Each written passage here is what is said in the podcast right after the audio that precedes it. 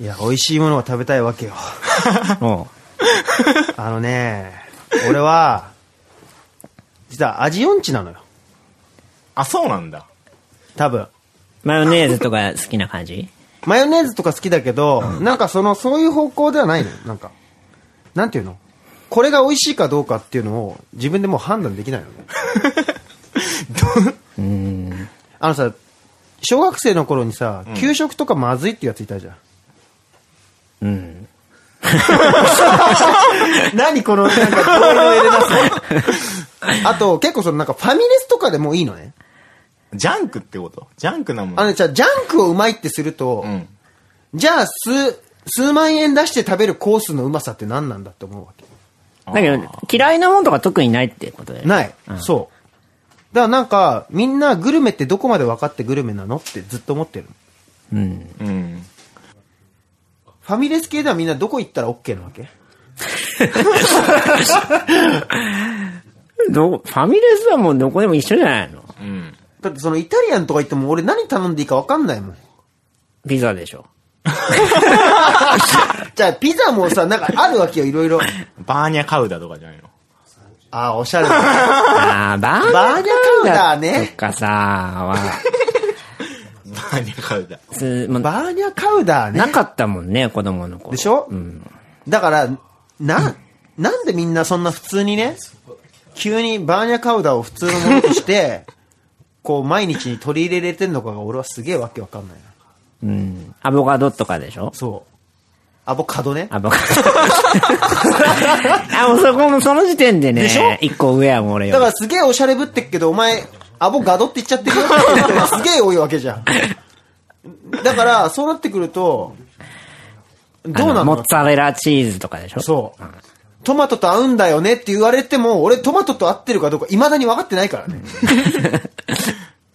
俺、ジョジョの奇妙な冒険で、トニーっていう料理人が作ったトマトのカプレーゼがうまいっていう絵だけを想像してうまいってなってるわけ。で、実際食うと、これが実際マッチしてんのかどうか俺には理解できないのね。あ、これは、こういう考え方は、あのね、逆にまずいもん食ったことないの。ないんだよ。しょあの、そっちから切っていくっていう。そっちがないからなの。だ からある種幸せパターンなんだと思うんだけど。そうだね、それはまずいもんあるよ。でもまずいもんってなくないないよあるあなるいないないないよあるって えじゃ感あ動例えば何何なんだろう。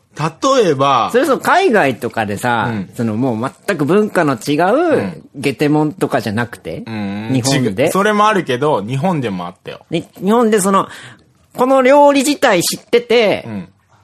でもまずい。それもあるけど、なんだこの料理はっていうのもあるけど、すべてにおいて、まずいっていうのはあるね。これは、やばい食。えねえなっていうのは。え、嫌いなもの何嫌いな、俺、僕は、嫌いなものは納豆です。納豆以外を食べれる。あ逆にじゃあその嫌いな納豆が一番嫌いっていう基準があって、うん。そっからこうだんだんこう食える食え ないの判断なわけだ納豆嫌いな人は、うん多分まずいものあるやろうね。ああ、そっか。そういう、そうなの納かな豆って普通に考えたら、まずいと思う。そうなんだよ。納豆はなんでみんな好きなのか俺わかんないの。だって、まずいじゃん。でも、いや、美味しいよ まずいよ、納豆で。味しないじゃん、あんなの。いや味はす、だから、まずい味がする。まずい味だよ。 でもそれも、美味しい。だけどね、わかった。納豆がうん。食えない人は多分ね、うん。まずいっていう味覚があると思っちゃう。 なるほどね。いや、だからまずいものをまず見つけた方がいいのか。俺もだって納豆大好きやもんね。俺も好きなんだだよ。から、まずいもんって食ったことないもんね。でも俺ね、ほんとその他の結構みんな好き嫌い激しく癖のあるものは、ほんと食べられるんだよ。あの、パクチーとパか。クチーとかはね、まずくない。セロリとかあれもまずくない。まずくもうない。、そ れはね、あ、うまい。あ、でもセロリは俺だ、若干苦手かもしれないけど、んでも俺セロリにはセロリの良さがあるな って。と、だからもうさ、そのセロリ一つ取ってだって、うまいまずいがあるわけじゃんうんうん。でさ、例えばさ、俺がすげえ可愛い女の子で、ちょっと神田くんとご飯食べ行きますって言って、神田くんがタイ料理に連れてってくれました、うんうん。なった時に、いや、ここすげえうまいんだよって言われて、で、あ、本当って言って、うんで、言ったら、もう大量のパクチーと。うん。いやもうここパクチーおかわり自由で さ、って言われた瞬間に、もうその子の中ではシャットダウンなわけじゃん。うん。その、神田くんへじゃなくて、うん食へのね。そうだね。で、そうなってくると、本当美味しさって何って思う わけ。なんでみんなそんなに、この店がうまいとか言えんのって思うのね。なんか、まあ、育ってきた環境が違う から、好き嫌いは否め噛んなじゃっいたでし。。 まあ、そんな感じで。始めるか、じゃあタイトルコール行ってみようか。はい。はい。あ、大久保と、ウィークエンド潜水の、レディオレックス。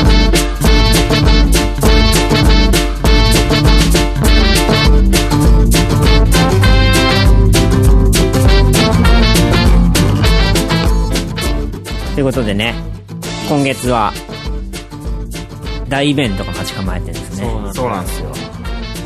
ついにね、僕ら3人が、グルメの街何の街だよ。 何がうまい か分かってないのに。分かってないのに行く、台湾。そう。台湾ですよ。台湾に3人で行くんですよ。もうね、第1回目ぐらいの放送から、台湾ずっと押してきましそた。うだね。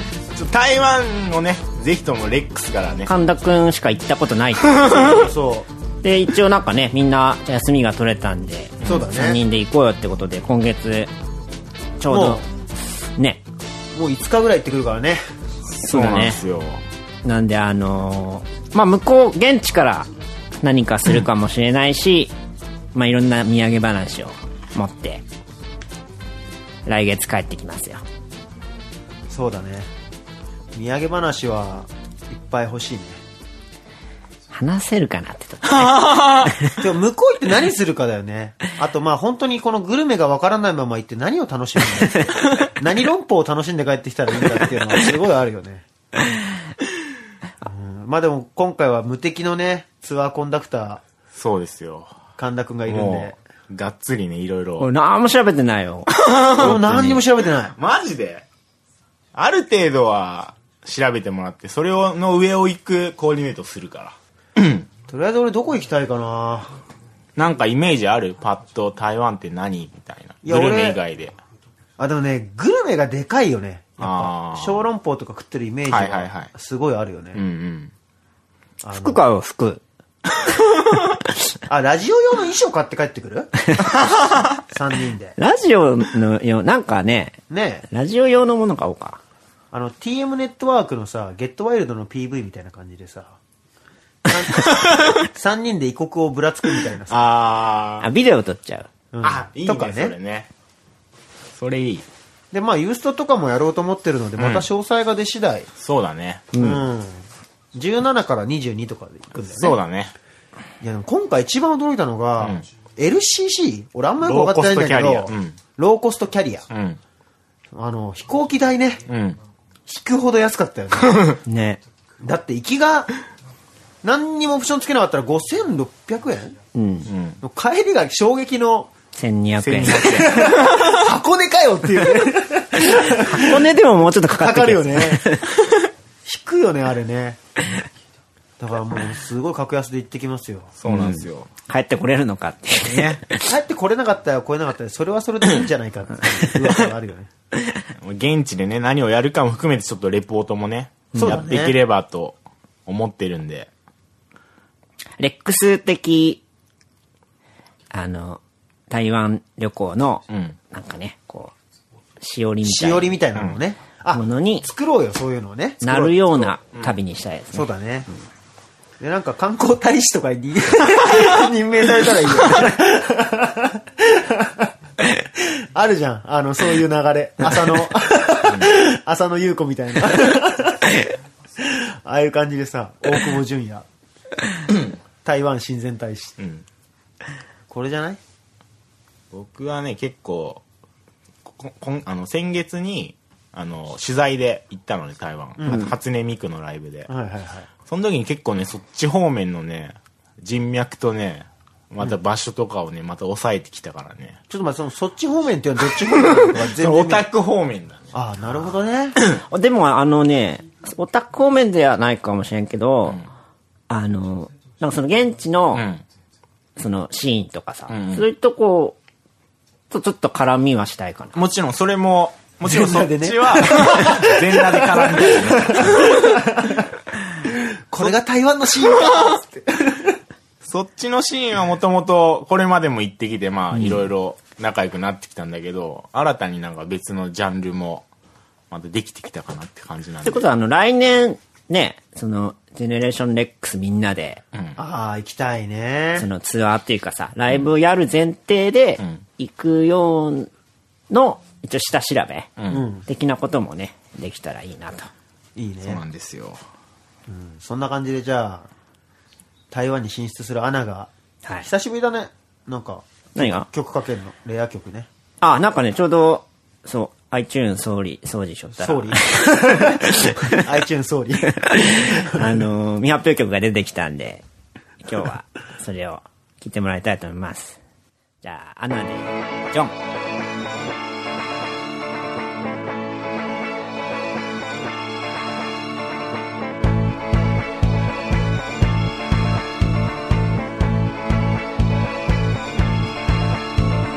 喜びを待つ人が今悲しみを待たせているのに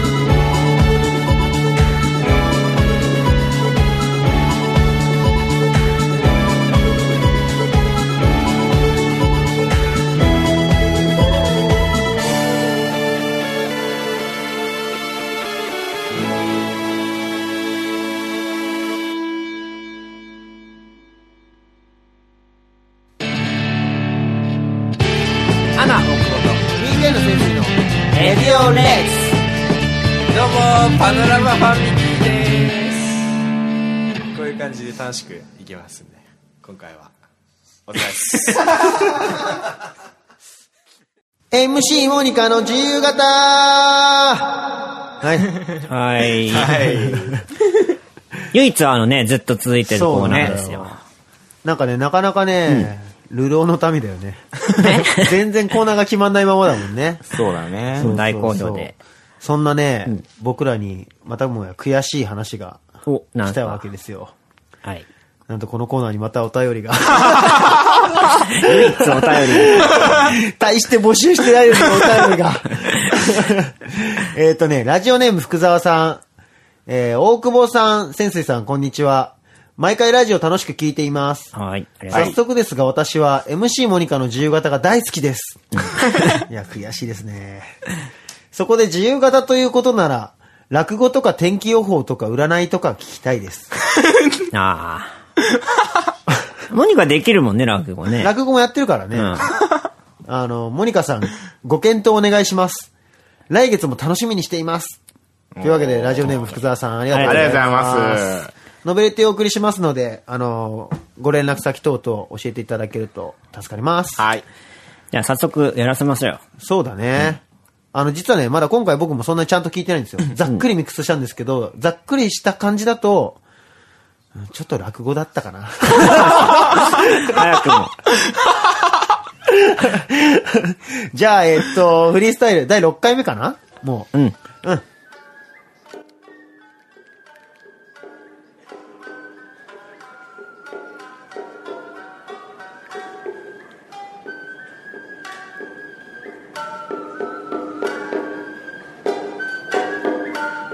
はいはいはい、えー皆様方今日はお越しありがとうございました、え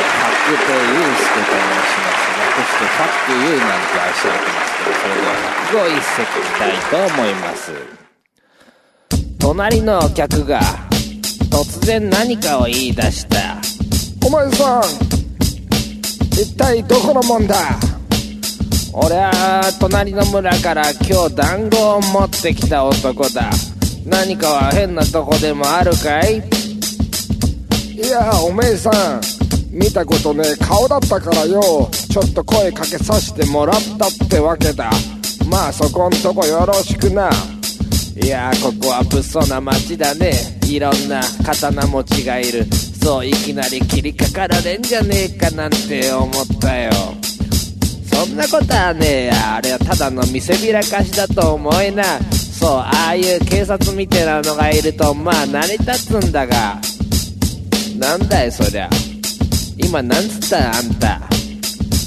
今なんつったかっていやそういう見せびらかしだってことだよそういやそれは警察のように見えるだろうってことだからそれが抑止力になるんだってことを言ったんだよあんたが言うその警察ってのは一体何なんだい K ってどういう時代札って字も全くわからねえな警察だよ警察おうわからねえか町の秩序を守るそういう国から派遣された人だよおいこの時代は今何時代という設定でやってんだ俺たちはそう江戸時代の設定だよ江戸時代かあんたそうか 俺は間違えてた俺は間違えてた俺は平成の普通の浅草でやってる設定だったよバカタレこの野郎バカバカタレバカタレボーイの登場だバカタレってんのはお前聞き捨てならねえなこの野郎お前やっちまうか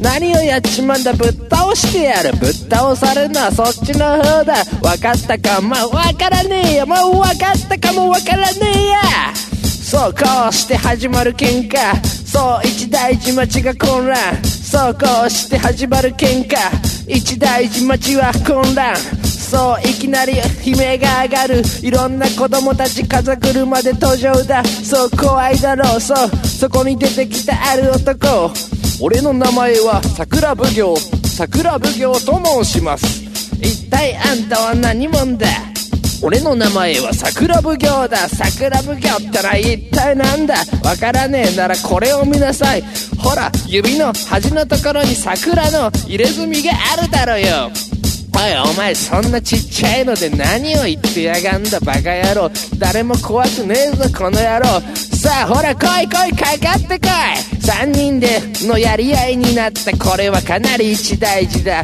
そう城下町が一気にバーニング状態だバーニングボーイの登場だそう俺は燃え上がる燃え上がるボーイの登場だ YO 今日この続きが来たい人はそう両国のお江戸邸まで来てくださいえー、ということでこれで終わらせてもらいますパクテユウスケでした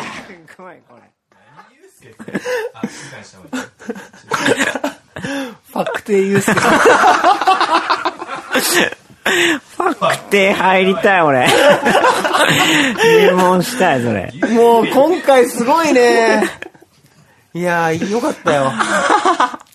なんか毎回一応さ、何かしら新しいとこに突っ込んでいくこの精神ね。ね。本当だよね。今回はなんか、ちょっとね、すごいね。すごいね。なんか、なんか急に盛り上がったしね、途中からね。途中からね、調子良かった。 やっぱその、あれじゃないあのー、リスナーからのさ、リアクション があったってことに対するさ、嬉しかった。嬉しさが滲み出たんじゃないかな。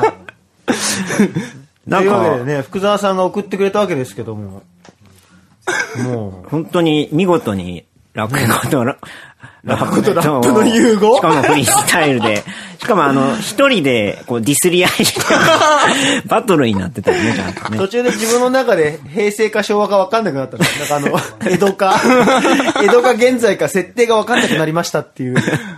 これ新しいね、でもね。ラップことれね落語の融合って本当新しいよ。そうだね。今回落語だったけど、次回例えば天気予報とかでもいいわけでしょ。天気予報でラップってことねう。ん、占いとかね。 ちなみにモニカさんは何気に、占いすっごいからね、あの人。あ、そうなんだ。誕生日言うと、タロットカード占いとか全部してくれるから、その場で。 資料なしで。もそうなんう、だ。なんだか知らないけど、すごいね、なんなのそれ占いはめちゃめちゃすごい。それ、あ、意味あんのかいや、多分まあ、スケベ心がそうさせ なたから、ね。 ね。自分は占い系やったんやろうね。というわけで、いや、ファックテマジ入り たい。本当ゆうすけ師匠やっゆうすけ家元でしょ バファックテいいなックテンはすごいよね。いや、だからね、そんなわけで、うん。フリースタイル第6回でした。はいあの、皆さんまた、テーマとかね。んなんか恋愛相談とか聞いてみたいよね。た。それでフリースタイルフで。リースタイルで。なんか答え、ちゃこうれこれ好きな人がいて、どどうこうとかね。うん。なんかだからみんな、自由に送ってください。はいはーい。ろよしくです。アナ、大久保と、先生の説明。エディオンレックス。どやマグロックのウィークエンドレックス違うよね新コーナーのコーナわー。というわけで、今週はコーナーのコーナー、新コーナーのコーナーということで、新皆コーナーさんが、いやもうそういうのいらないよ。 チンコって言えばいいみたいなのもういいよ。皆さんが僕ら3人にやってほしいと思っているコーナーを送っていただくコーナーです。ー。はい。はい。あの、神田君曰くキラーコンテンツを作ってくれと。そうだね。あのね、放送作家の卵っていうかね、んそういう人はぜひ、そういうう人でもね。そうなんですちよ。らで実験してくれていいんでね。はい。で、あの、ありがたいことにね、んあの、ちょこちょこね、あのメールが届いてるの。あ、ありがとうございます。はい。じゃあ、早速、紹介しな早が速ら。紹介してみようか。はい。じゃあなん検か討し、ていきましょ爽やかなやつからいくう。うん。 下水やつが 来そうと思う。下水やつもいっぱい来てるからね。えっと、じゃあ行きまーす。はいえーラジオネーム、団地妻さんからです。それ下 水。いきなり下水。違うよ。その前に、ゲストが来てるんだ、今日は。あ、そうそれを言わなきゃいけ ない。ゲストが今日は素敵なゲストが、はい。はい。最近、ね、7インチのリリースも、したのも、まだまだ。まだか。決まって、飛ぶ鳥をい落とす勢いの、 うん。ノリに乗ってる、ジェネレーションレックスからパノラムファミリー、ゴメスくんと、うん。マグロックも。いやどうもどうもあ、今日明るいね、ごめちゃん。明るい感じでラジしオでたすかね。 ら。キャラ作ってきました。ラジオですから。どうやどうやどうやいや、俺がパドラマ。俺がどういう マグちゃんもうわけわかんないい。やいや。ということで、えっと今日はこれ賑やかにね。そうだね、ゴメス君はまだもうちょっと知ってるけどはいはい、マグちゃんってまだ謎の人も多いと思うんだけど、マグちゃんはどういう立ち位置の人なのまそうあ、俺が言っていいはいどうぞあの、わかりやすく言うと、スチャダラパーのロボ中さんって感じですね。ああああおこがましいですねいや、僕もおこがましいですいよ。や裏側してますけど私今言われてだからやっぱなんおこがか、ましいこれですよいい話とし完全て、にちょっとあのえ、シャカゾンビのツッチーさんのソロで、スチャダラパーにオファーをしたらしいんですよ。一、回、あの、ソロのファーストで。そしたら、特に何も言わずに、ロボチューさんも来たっていう、ね。あーなで、るレほコどねーディングしてったっていう、なんかそういう感じです。 40そうそう。 40だね。リガーラフォーティっていう。ー。そういう立ち位置で今、パノラマファミリーのライブに、はもう基本的にマグちゃんが DJ しつつ、喋るっていう。なるほどねな。るほどなフるほロどント DJ って感じですね。バック DJ ならぬ、ならぬ。デフォルトデフォルト。呼ばれてないの に来てると。抱き合わせそうそう抱き合わせ掛け合わせ商法ですね。バカウィね。ンウィンの関係です。ウィンウィンの。単品じゃ頼めないんですよっていでやうっぱラーメンだけじゃなくて焼肉丼セットみたいな。は じゃあそんな二人を交えて、いははい。新コーナーのコーナい。ー。じゃあ一緒に検討して、はいくださいくださ い。僕はもうレックスファンですからね。レックスファンっていうか、レックスレディオファン、レディオ。ラジオレあッーなるほどクス。レディオレックスはもう毎週、毎回、あの毎月ね。あ違う違う違う違う違う、そういうことじゃない。あの、毎週ぐらい聞いてんの。あ、リピートで。そう。俺多分世の中で一番聞いてる。そう、なんかね、すごいいつも最近会うとみんなにね、うん。あの、レディオ聞いてるよって言うんだけど、別に俺らの CD は聞いてくれてない。すごいいいですよ。この悲しいね。いやでも本当 CD よりもこれ聞くべきだよ。まあ、ここにいろいろ文化が集まってるからね。そうそうそう。というわけで、ちょっと大人になってしまったんですけど、えっ、と、ラジオネーム、団地妻さんからです。ああ、いいですね、いいですね。 いいですね。いっぱいヤクザがいるんだよ。潜水さん、大久保さん、神田さん、こんにちは。じゃあ、です。レディオレックスいつも楽しく拝聴しています。ぜひ、レディオレックスで本の紹介コーナーというのをやってほしいです。お真面目なあやあ、つすだね。ごいちゃんとした。全然ダンチズマの感じじゃないんです。本当に団地妻なんじゃないあ、ほんま、公営団地みた いな。練馬あたりかな。そうそう。私は通勤中本を読むことが多いのですが、なかなか本屋さんでじっくり本を探す時間もないので、ぜひ皆さんが読んで面白かった本、おすすめの本を教えてほしいです。ちなみにモニカさんのコーナーで吹き出してしまうこと受け合いなので、通勤中はレディオレックスは聞いていません。あめっちゃわかる。です。ということです。どうかな本をこれは紹介神する田コーくナんー。じゃないのそうだね。僕そうだはね一応、専門本のレビューの仕事もしてるね。そうだよね。じゃあこれでも一回ガチでやってもいいかもやってね。みようか。うん。うん。僕も一応読書家なんで、お読書家なのおマジで一時期小説家も目指してたからね。おーでもゴーストライター使っちゃった。 っていう話は聞いたことあります少女作よ。からね聞いたことありますよ。そういう話は。ガンガンゴースト使え過去にゴーストライターでごまかしちゃった。何気に俺も本読むから、この企画はなんかやったらやったら面白いかそうもだね。ね。うん一応ね、だいぶこう、番組がゲスになってきたら、一回こう戻すためにやる。そうだね。歴史的なこともできるんだよっていうね。なんか、軌道修正する修正はい、ありがとうございます。人を修正する修で正。も怒られるよあんまそうよく人のばあの人のパンチラインをそうだね。よくないね。うんだからなんかでも、あれじゃないオープニングトークとかでもいいよね。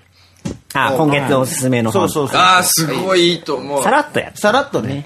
いいで、しょ僕らのところにね、新作が送られてくると、どんどん。あいいねレックス に。紹介してもらう紹と介売しれてるみもたいらなおう。ねそう。っなるほどね。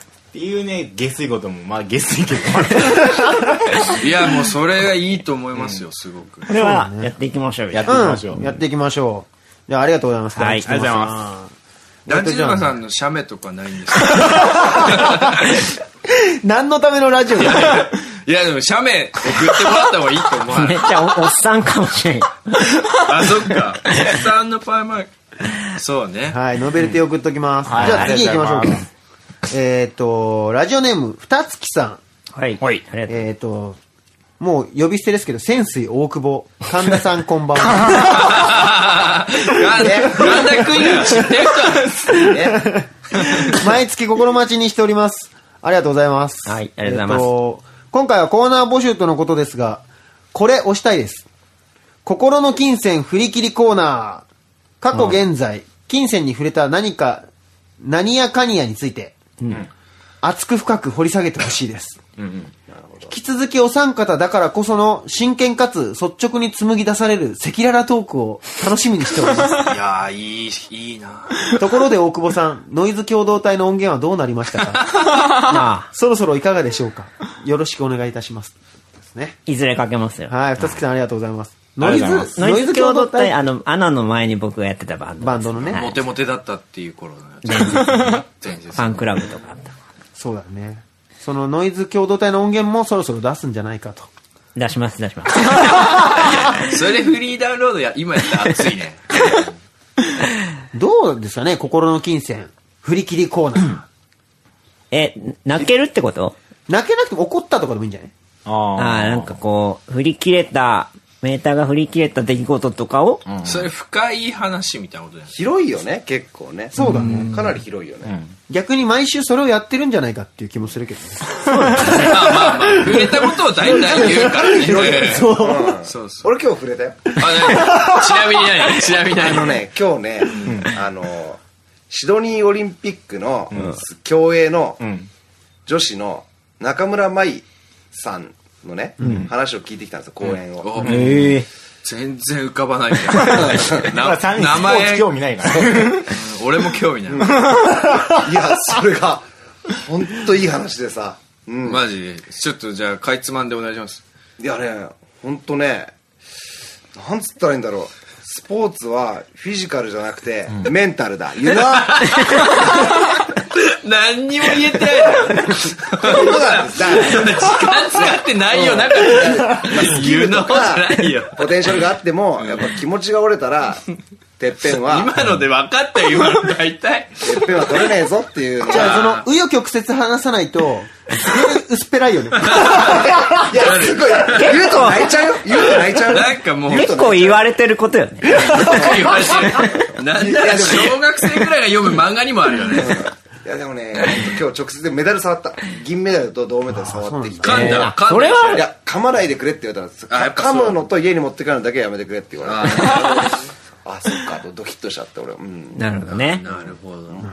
そういうのだから、まあ、うちらは普通に話すけんさ、そういうことをメールでみんながね、送ってくれると紹介しやすい。そうだね。それ聞きたいですね。うん。なんかあの、いわゆる普通おた普な通んかの普通のね。普通のお便り。なるほど ね。普通のお便りみたいなの欲しいね、そういうこういうとこに金銭触れましたみたいななんで、えー、何人さんだっけえっと二月さん二月さん、これは不採用で。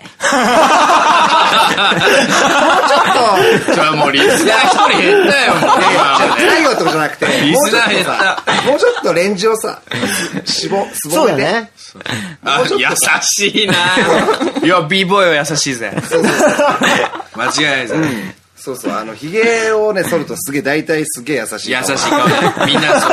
大体そう。豆みたいな顔してる。 大体ね。結構そう結構ね。 b ボーイ醤油顔。じゃあ次行ってみようか、そうい、そうい、 もうくちゃくちゃだよ静かに、静かにしよう。じゃあ行きますよされえるっとラジオネームポリンキーさんからですあ あ、いいですね。いい、いい、いいですね。ラジオっぽいですね。ポリンキーさんね。大久保さん潜水さん神田さんいつも楽しく拝聴しておりますあありりががととううごござざいまいますすありがとうございます。おはようございます。えっと、ポリンキーと申します。私は、えっと、ビデオ、ビデオというバンドですね。えっと、ビデオのネギスさんのツイッターをフォローしているのですが、以前、バウムクーヘンという単語にエロを感じるというつぶやきがありました。その後、やはりツイッター上でモニカさんが解説するには、むくっという擬音がエロいのではないかと。そこで、そういった日常にあふれるエロさを感じる単語を探すコーナーはいかがでしょうかああ、赤貝とかでしょ、そういうやつ。ちなみに、私はピスタチオという単語にエロを感じます。あー、あの、パピプペポンね。パ行はエロいってよく聞きます。 PS、アナとウィークエンドのアルバム楽しみにしております。ありがとうございます。いや、ピスタチオに関してはやっぱチオじゃないチよ。チじゃないチ、チ。チあ、でも、恥ずチかしいオか。チオでしょ。ピスタチオは確かにさ、その、ピス、あとタチ、タチオ。あとタチ、あとチオ、どこで切ってもエロいもんねピ。スタチオは確かにすごいかもしれない。どうかね、でもこのエロ単語を集めるっていうこ。れありですね。面白いよすね。ごいラジオっい。ぽいね。どうかね、なんか他にある、エロ単語いい。だって今こんだけ盛り上がったけんね。そうだね。これだからもう、ピスタチオのコーナーとして。そうだね ピ。スタチオ、今日のピスタチオはって感じ。そうピラだチオ違うあ違う違う。ピラニアとかね。ピラニアってなんだよ。ピルクルとかも。ピルクルあは、ピルクルはエロいね。あ、ピルクル。ピルって言ってますからあ、ピね。ルクル、ピルクル。みたいな感じなんですね言ってみるっていうね。あ、そうピだルねった。ピルったな。ピルった。だ で、これは、こマのジコでーナーやるとき PF イメーは、ジ悪くあるよ。あこれ良の、くないね。うん。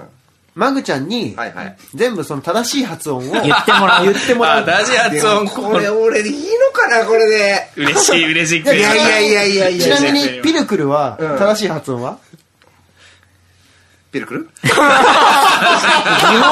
どういう状況なのそれ。ピルクルって。どういう状況でもそれ、どうなんだろうね。ピルクルピね。ルクル行く行くって感じよね。 ということで、これ、ピスタチオのココーーナナーー、にこれ採用で、採用ですやねりましょう。はい。じゃあ次行きましょうか。はい。読まれたら初採用のラジオネーム、短渕弱しです。おこれ、長渕剛の逆ってことです。 やばいねやばいねこれはいろんなとこに怒られますよ。いろんな FM から怒られ ますよ。負け、負け古太郎と同じパターンですね。潜水さん、大久保さん、ライター界の星野源さん、こんにちおは。ーいいのもらったねありがとうございます。いいのもらった。毎回楽しみにしています。新コーナーを考えてみました。題して、ハリウッド版のコーナー。 おお、なんすかそれ。スター・ウォーズの次回作をディズニーが作ることで話題になっていますが、お、らしいね。このコーナーでは、日本の映画やドラマをハリウッド版にしてタイトルやキャスティングを勝手に決めようというものです。また海外の映画を日本版にするとか、古い作品を現代版にするなど、とにかくリメイク版を構想するコーナーです。おいくつか例を考えてみました。お、すごい。すげえ。いね。ハリウッド版男は辛いよ。あ、来た。お最近 CM でもやってるもんね。あの、ハリウッド、なんあだやんの外人っぽいさ、オレンジーナあオランー、ジーナ CM でね。はで、タイトル、あ、マンイズハード。ーダイハードっぽいね。い。それハード、ハード。で、こっからが配役なんですけど、はいはいトラさん、タイガー・ウッズ。いいですね。これリアル辛い人いでや、依す存症ってやつね。ね。で、この後がひどいですね。マドンナ役、マドンナって書いてあそれ雑いいだけね。ど最高だね。いいだっね。てトラさんでタイガーでしょる。そうだね。あ、で、まあ、そうか。あ、そういうことか。あ、トラ、あトのラ、まあ、あどんななるほど本ね。当にタイガー・ウッズのあの依存症のことになってトラ、トラとマでも、マタイそっかね、そういトうラちゃんね感じするけどね、いろんな女行って。アイアンみたいなね。そうだね。ナンバーアイアンだみたいなやつでし ょ。ただ、あれでしょ、その、ハリウッド行っちゃうとトラさんも、淡い恋じゃなくて、実際ことをなしていやっっちちゃゃう。まあ、そう、日本すごい陽気。な、陽気なやつだよ。確かに確 かに。じゃあ次行ってみようか。ハリウッド版、釣りバカ日誌。お、お、これは誰だえっと、タイトル、フィッシング・オブ・ザ・デッド。あ、いいですね う。 まあ、ゾンビ映画ですね。いいですね。ハマちゃん、ウィル・スミスだった。あ、でも、まあまあまあま スーさん、モーガン・フリーマン。あ。半端ない。最近亡くなりましたけどね。見た いな、それ。それでも、モーガン・フリーマンは敵役だね。敵役だね。見たいな、それ。でね、スター・ウォーズ。ていうか、今のやつ結構ブラックムービーになるね。ね やばいね。日本版スター・ウォーズ。これ逆に、ハリウッドの映画を日本版リメイクした時、ああ、で、まあタイトルはそのままスター・ウォーズ。はいはいはい。で、ダー ス・ベイダー。アニマル浜 口って。ああ、いいと思うな。えっと、ルーク・ス カイ・ウォーカー。浜口京子って。また、俳最悪の時点でネタバレしてんだろ。親子に言いたいだけじゃん。確かにネタバレしちゃう親ね子に並べたいだけじゃん。エピソードどこで終わる かっていうねこの後1個入ってるんだけど、ちょっとラジオ的には読めませ ん。で、C3PO が、これはね、結構みんな納得だと思う。誰だアンガールズ田中。ああまあまあまだね。冬になり、ますます寒くなってくると思われますので、どうかお体ご自愛ください。それでは長文多文失礼いたしました。ということあでこの方はなんて名 前ですかえっ、と、この方は、えっ、あなんだっけさっき面と、白かっ短節、弱し。たちょ弱しくんマジ超いいよね弱しさんこれ作く家んじゃなでいすねかもう女かもわかんないからね弱しさん毎回欲しいですね これもでも普通にコーナーなりそうだよね。うん。結構だから皆さんがね、考えてくれる。そうだ。ね。じゃあ次行ってみましょうか。はい。短節弱しのコーナーで。そうだね。しましょう。すげえ言いにくいんだよね。短渕。弱しのコーナー。めっちゃ年上かもしれな いし弱し50歳ぐらいの人かもしれない ちょっとこれはなんか満を持してやりたい感じはありますね。うん。なんか、一応随時募集募集しておきましょ募集しう。うん。ね、溜まったら。で、そうだ。ね。なんか、ちょっとその、ほんと短いコーナーとしてね、2、3分でやってもいいかもしれないしね。漫画の実写化みたいなそうだね。もしくもあはるか、ら毎回この、今回はこの映画を、リメイクしますみたいなので、ああ、そうだね。皆さんに募集とかでもね。毎回年寄り役さモーガン・フリーマンになり そうだよ ねいいね。 何かちょっとモーガン・フリーマンこっちがモーガンフリーマン天丼天丼パターンねありそうそれはあるかもね。またかみたいな結局まあねこれは、ベストキットとかもじゃあやりやっていきましょうやモーガンフリーりマンましょう。結構あの、ベタなのがドラゴンボールとかでみんなで飲み会で盛り上がったりしたことなかった。実写化する実写化するなら、誰実写化あみったいたなのがねよねそういえばあったけど誰も納得いってないじゃん、あれ。見てないんだよな亀仙 人は雷誰だったんだろモーガン・フリーマン。うやっぱそこになっちゃうよねうんえっと、じゃあ、えっと、これ、この方、2回目の投稿ですね。はい。はい。えっと読まれたら大感激ネーム、マイマイク水野と申します。あ、はい前回かマらイねマイク水野さんですね。ありがとうございますマーク・ミズノはいい名前ですね潜水君、神田さん、小学1年生にペンケースのことをペニスケースって言うんだよ、と間違った情報を教えてニヤニヤしている人こんばんは。 そうマイマイク見るのは毎回俺にちょっと、引っかかってく事実る。かかってきてるこんなコーナーはいかがでしょうかはい。名付けて、解決、潜水クリニック。おお、投稿方法は体調が悪い大久保くんがクリニックに駆け込んだ設定で、潜水医師に聞いたこともない病名を告げてびっくりした大久保さんは、どうすればいいとですかというバカにした。博多バカにされてるよ 質問に解決方法を告げるというもの です。その症状と病名、それに対する解決方法をリスナーが面白投稿するというものです。例えばこんな感じ です。大久保くん。先生、僕は大丈夫とですか潜水 士。これは世界でも珍しい病気で、いきなり金玉が振動しだす奇病だな。 藤岡、藤藤岡弘区長でって書いてあるけど、無理大久保くん、どうしたらいいとですかまあまあ、慌てるでない。チンポの先っちょと、iPod をつなげると、金玉がスピーカーの役割をしてる、アルバム20枚分、流し続ければ治るだろう。ただし、アナの曲は聴かんので注意するように。どうでしょう長文乱文失礼いたしました。どうでしょうじゃねえよだよ結構下多ひめどいなんだね。ひどい下多めなんだ下ね。多めっていうか下しかないよなんだろうじゃあ待ってパノラマの回にそれはやめいやでもね下多めだよねやっぱね、てくれ俺マジ来たのにせっかくやっぱね、あれだね、パノラマが引き出してる。違うよまたちょっと誤回生むからパノラマファミリーはすごいあの爽やかですいやもうこれあえてマイマイク水野さんにはありがとうは言わないよって。そりゃそうだよこんなんありがとうじゃないよこれはもう満場一致で不採用で不す。採用でしょこれは不採用でしょ本当にただ懲りずにまた送ってもらいたいです 聞きたいは聞きたいんですよね不採用だけどそうだね。でもまあやっぱりこのリスナーにはこういう人も必要だからね。一人こうトライしていくっていう。やっぱいろいろそういうのは重要ですよ重要だね。まあでもなんか、コーナーね、いいコーナーいっぱいあるよね。うん。とりあえずな今の日、で、これで二つは、そうだね。映画とエクスピ本スタチオと、はいとピスタタチチオと、あ、3つか。そうだね。と、まあ本はコーナーっていうか、まあ、まあちょこちょこ混ぜていけ紹介はしきるましょかうなっていう。なんかでまあ、あれだね。こ来月は実はちょっとやることがもう決まってるんですよ。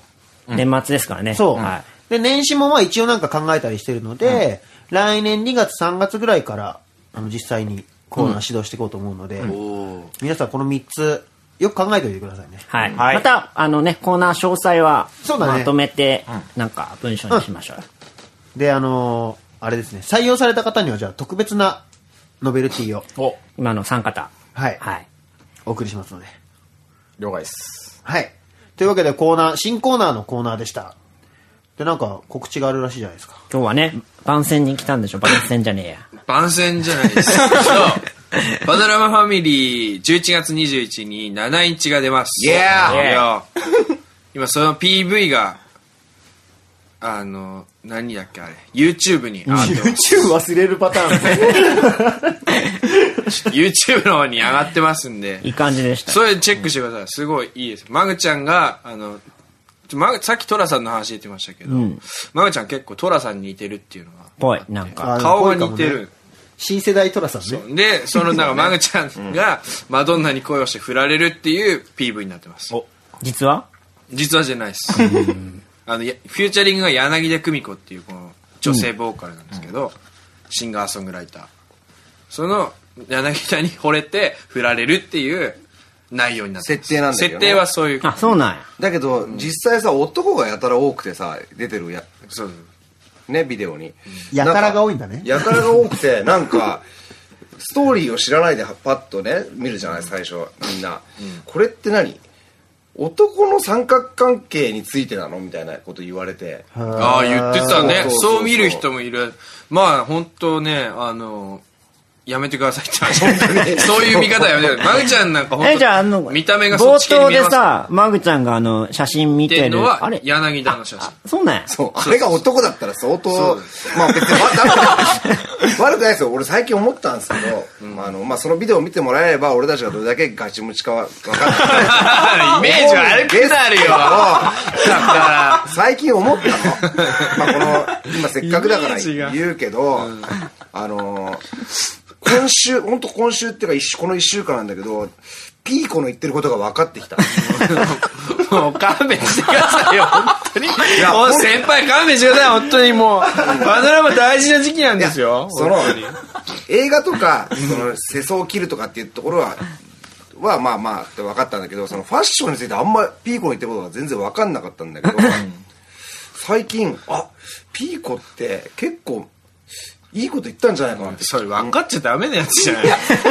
俺ね分かった方がいいよ。今週ねあの 色の薄い青いレンズの丸いサングラスを買ったのよジャポーゴルチエそうジャンポール・ガルチエ あー探してみろ東京中のゴルチェは俺が全部ゲットしてるからもうないぜ Hi hater you see me you know 俺はカザールもレイバンも全部俺が東京中のさらっちゃったからな探してみろ全部俺ん家にあるぜ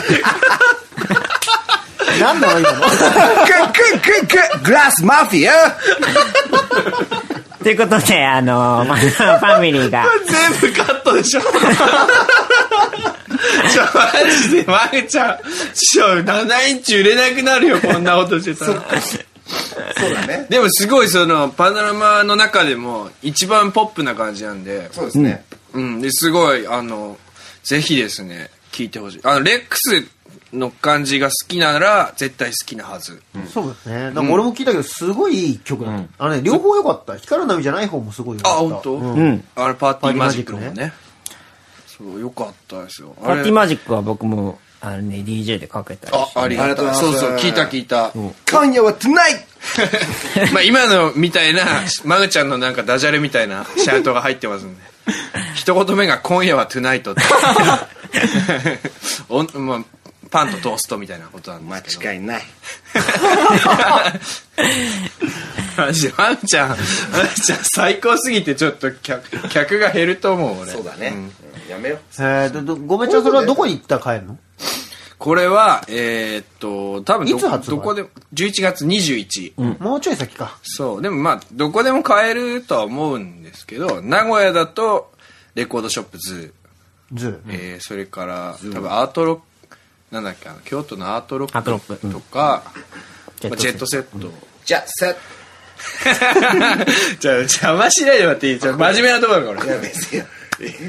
ちょちょ、まあジェットセット、ジェット、な下北の、笑あとは、普通に下北のジェットセットとか、まあ普通にアどこマ でゾも。ンとかでも。でも買える。買えるよね。もうアマゾンは予約始まってるか結構この時代、7インチでリリースってのはすごいいいことだダと思うウンロそうそうードコードとら。ダウンか。ロードコードはついてない、つけたいって言ったら、ちょっとそれはレベル的に難しいって言われて、その代わり iTunes であ、の配信はありあま、す。そうなんだ。じゃあ、レコードないぜっていう人は iTunes で買えるぜってそうですね。ただまあレコード、 7インチはでもこ買ってう、ほしいですねうんなんか部屋に置いとくだけでそうそう7イもンね、チって可愛いから、もアのイテとムしてにね、もなるんで。あと、レックス聞きましたって人にはもう、ぜひ。あ、そうだね。レまッあクス聞きましたね。なんか特典そうにしそよううよそう。ライブ来て、レックス聞きましたって人には、僕のあのスペシャルな、秘蔵、あの、消したい過去な 3MC 時代の音源をあげます。というわけで今日はなんかその、光る波はかけれないんだけど、そうですね。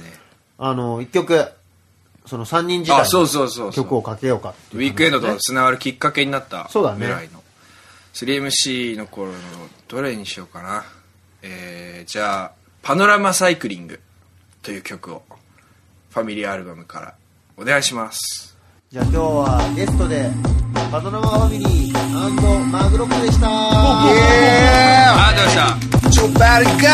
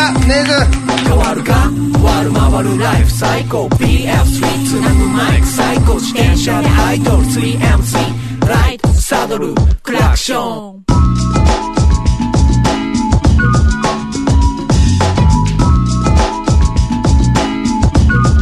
超タイトのポケモン来てサイクリング東京の街を行くたびに迷い込んでくラビリンス大人の世界アダルトの最高回り回り巡り巡る鍛えまくればいつもそう最高バッチモンのジャズスターどんな時も胸元にはポケモンオンでノー続いて2番手わしばな GMZ が登場マシンのチャリンコで大暴走妄想では ODS ロックオン UNG セブ UNB の関係来かお前に食わせるパンメンエブで見せる笑みを満面穴ごとたらおも前面変わるか回る回るライフ最高 PF3 つなぐマイク最高自転車でアイドル 3MC ライトサドルクラクション回る回るライフ最高 PF3 つなぐマイク最高自転車でアイドル 3MC ライトサドルクラクション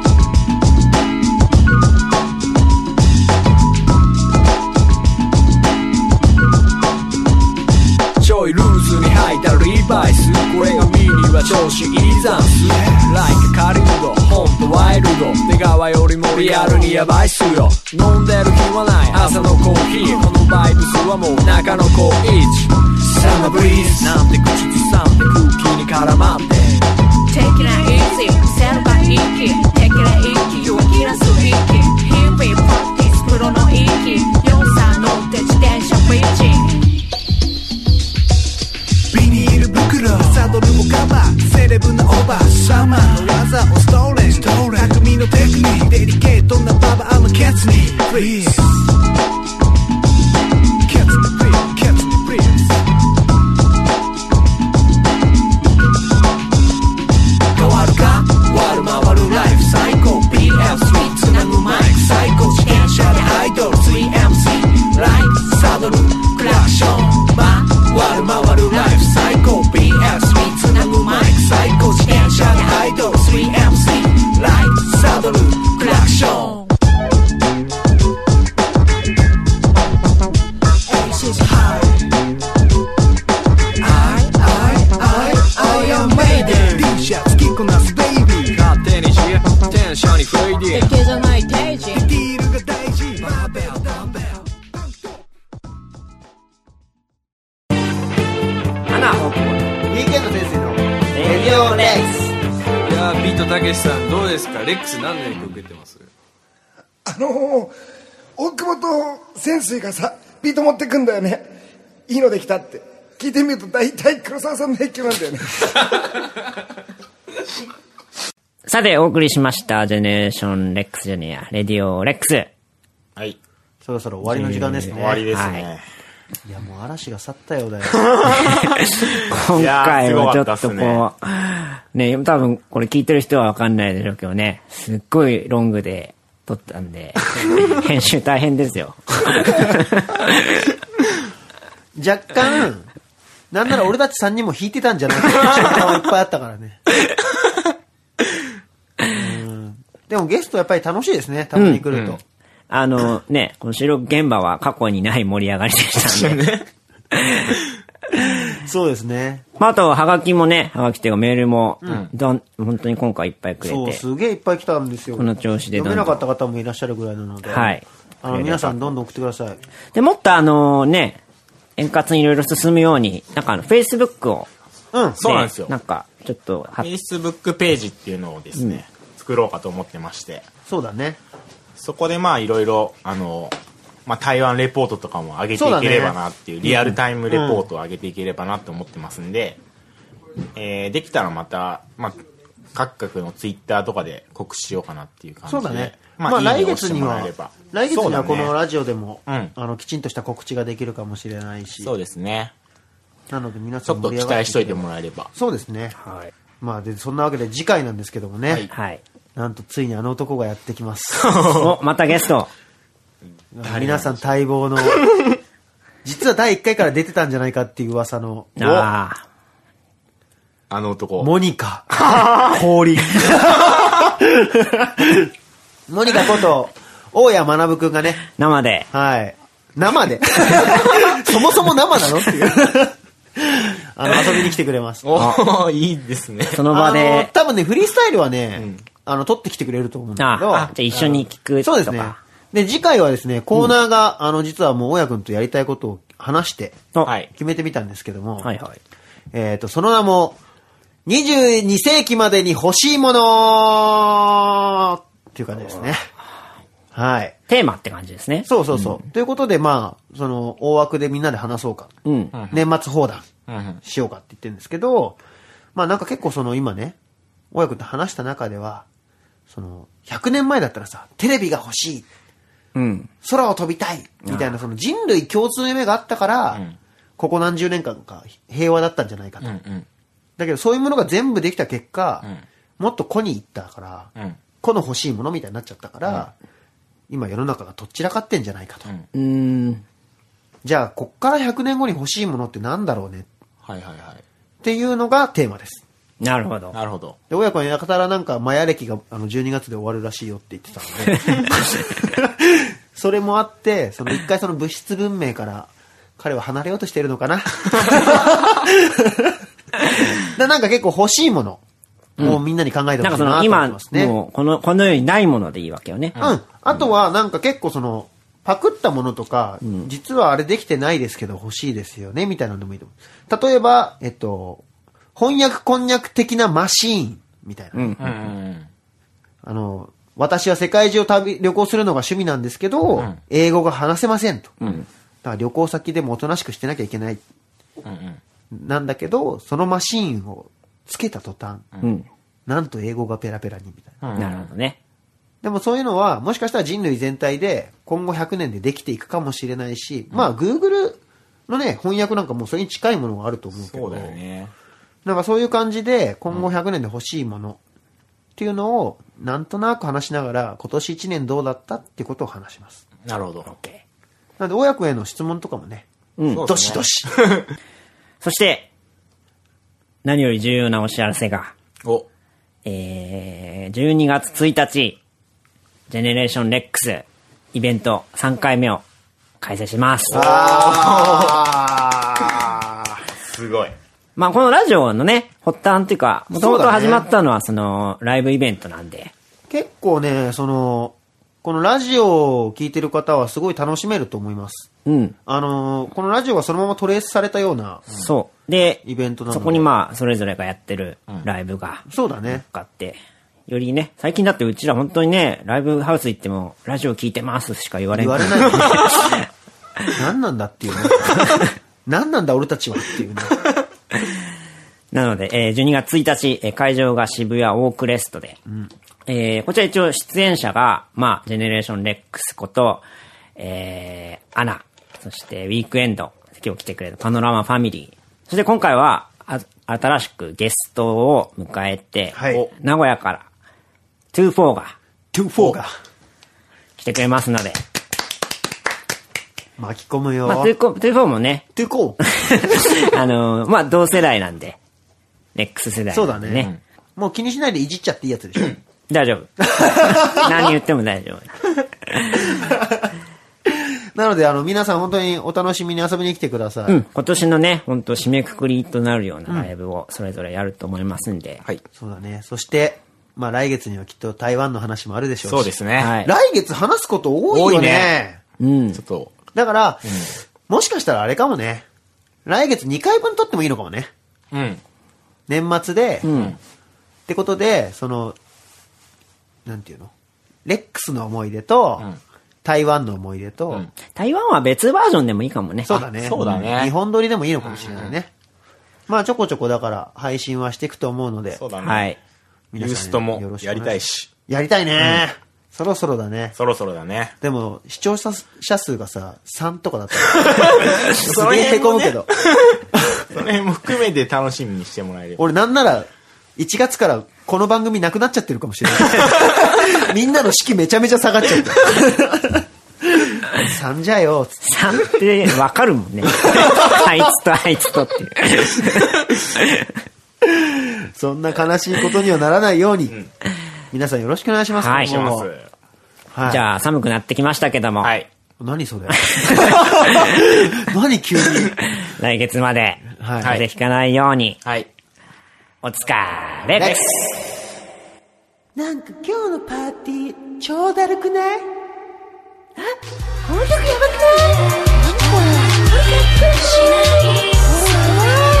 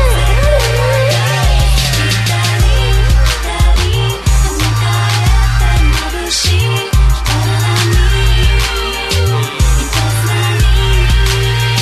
光る波から波から待ってたい便シャイニング暗いどぎついタイミング抜け出す毎日がだるけどファニー月まで買いに終わらないパーリーノーヒーロー光る波フューチャリング柳田君パーティーマージック12月21日7インチレコードで音声